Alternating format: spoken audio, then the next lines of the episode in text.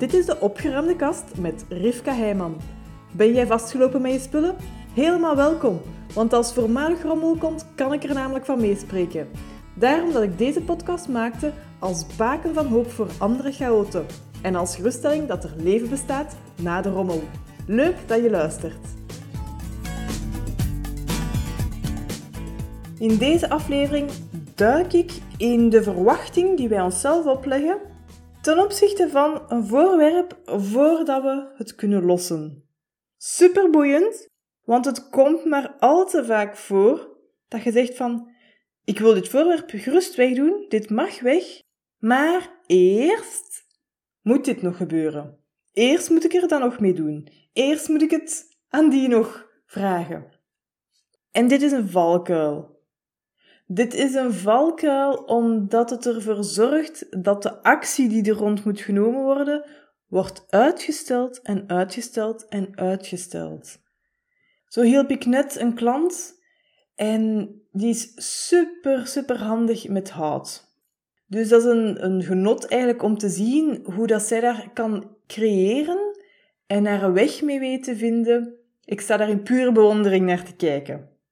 En we waren in haar atelier aan het opruimen, want ze geraakte niet meer aan haar werkbank om met haar houtprojecten bezig te zijn. Het ding bij haar thuis waarmee dat zij haar batterijen oplaadt.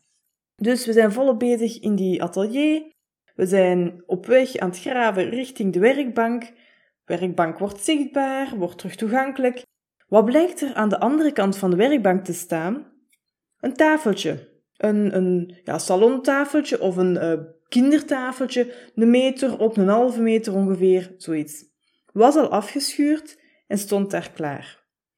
Ik vraag tegen haar, ja, in die hoek, hier staan nog een aantal andere meubels, kastjes. Wat is nu het meest essentiële dat hier sowieso blijft staan? Oké, ik krijg een antwoord en ze geeft mij ook meteen een antwoord van, maar dit tafeltje, dat mag eigenlijk wel weg. Dat mag gaan, dat hoeft niet te blijven. En toen vertelde ze, ja, ik zal aan mijn kinderen vragen, die hebben nog kleine kindjes, ik zal aan mijn kinderen vragen of dat ze dit tafeltje willen gebruiken. En toen viel ze stil. Ze zei mij van ja, maar weet je wat het ook is? Dan vraag ik dat aan mijn kinderen en dan gaan ze misschien wel zeggen van ja mama, ik wil dat tafeltje hebben, maar je zegt zo vaak dat hè, het moet alleen nog een likje verf krijgen en dan komt dat er niet van.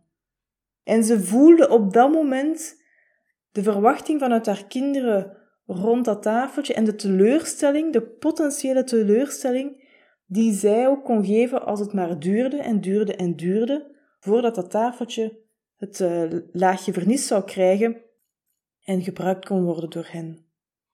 Ik stelde haar de vraag: Van wie komt die verwachting dat dit tafeltje eerst nog een likje verf moet krijgen voordat je het kunt doorgeven? En ze zei, ja, die is van mij. Dat is niet vanuit de kinderen, dat is gewoon mijn, ja, mijn norm, mijn eis, waarin dat ik wil voldoen voordat ik dit tafeltje weggeef. Dat was niet naar opgekomen om het anders te doen. En dan zijn we even verder gaan denken.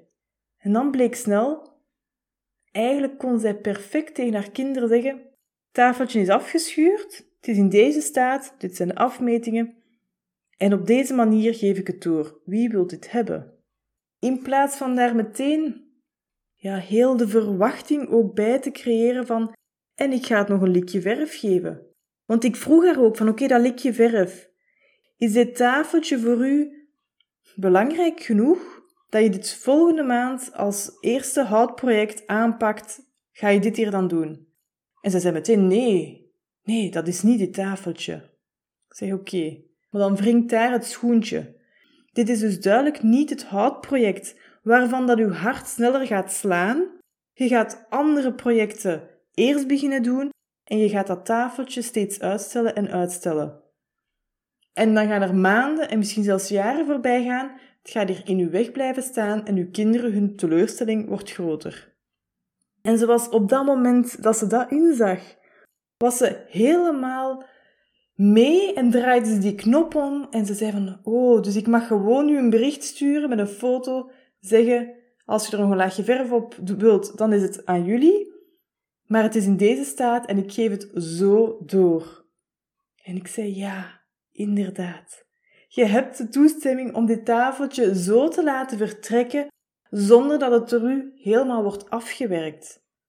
En als haar kinderen zeggen: Nee, mama, dit tafeltje willen wij geen plaats geven bij ons thuis, kunnen we geen plaats geven, dan gaat het op die manier gewoon verder weggegeven worden. Naar een tweedehandswinkel. Gewoon bij u thuis op de stoep zetten, met gratis erbij, en het vertrekt verder.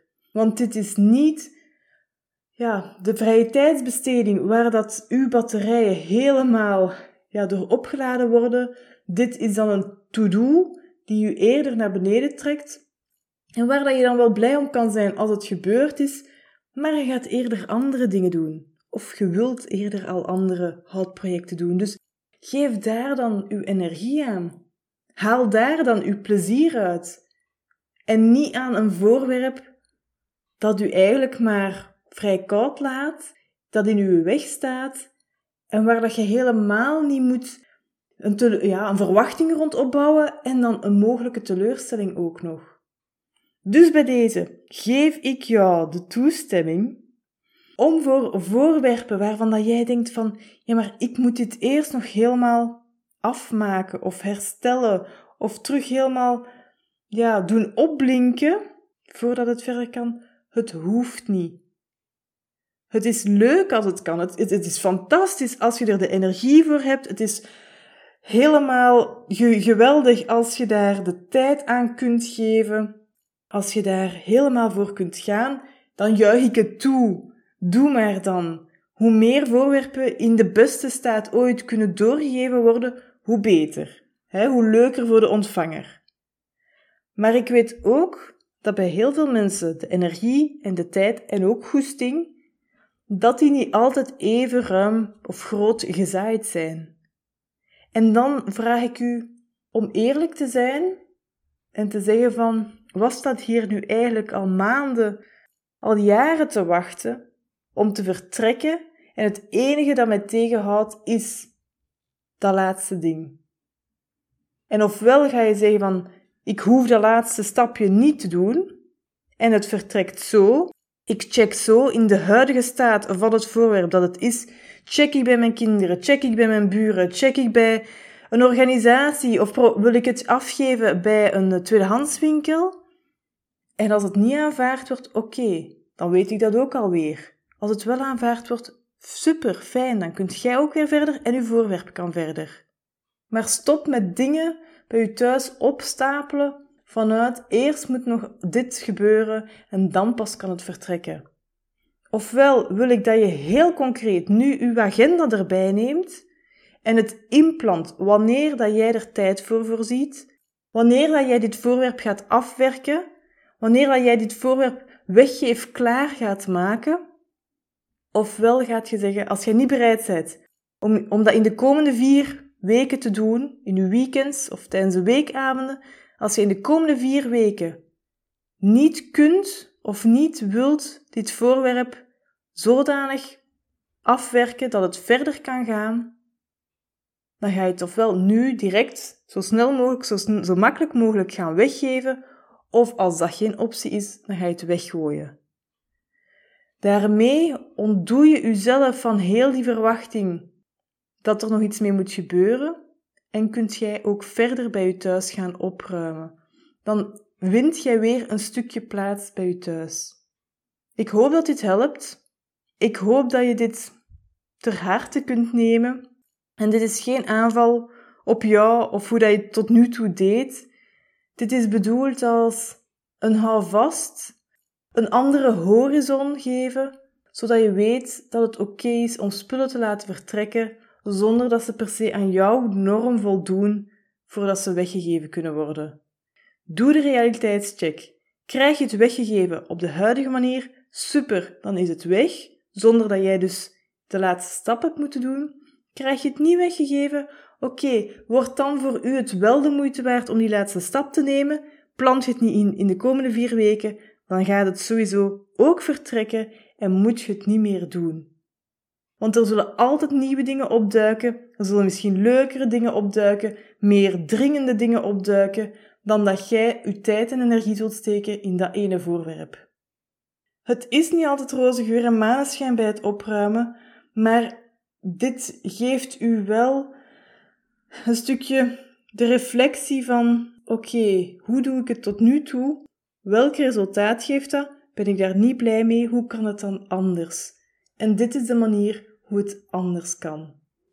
Ga ervoor en durf uittesten en proberen.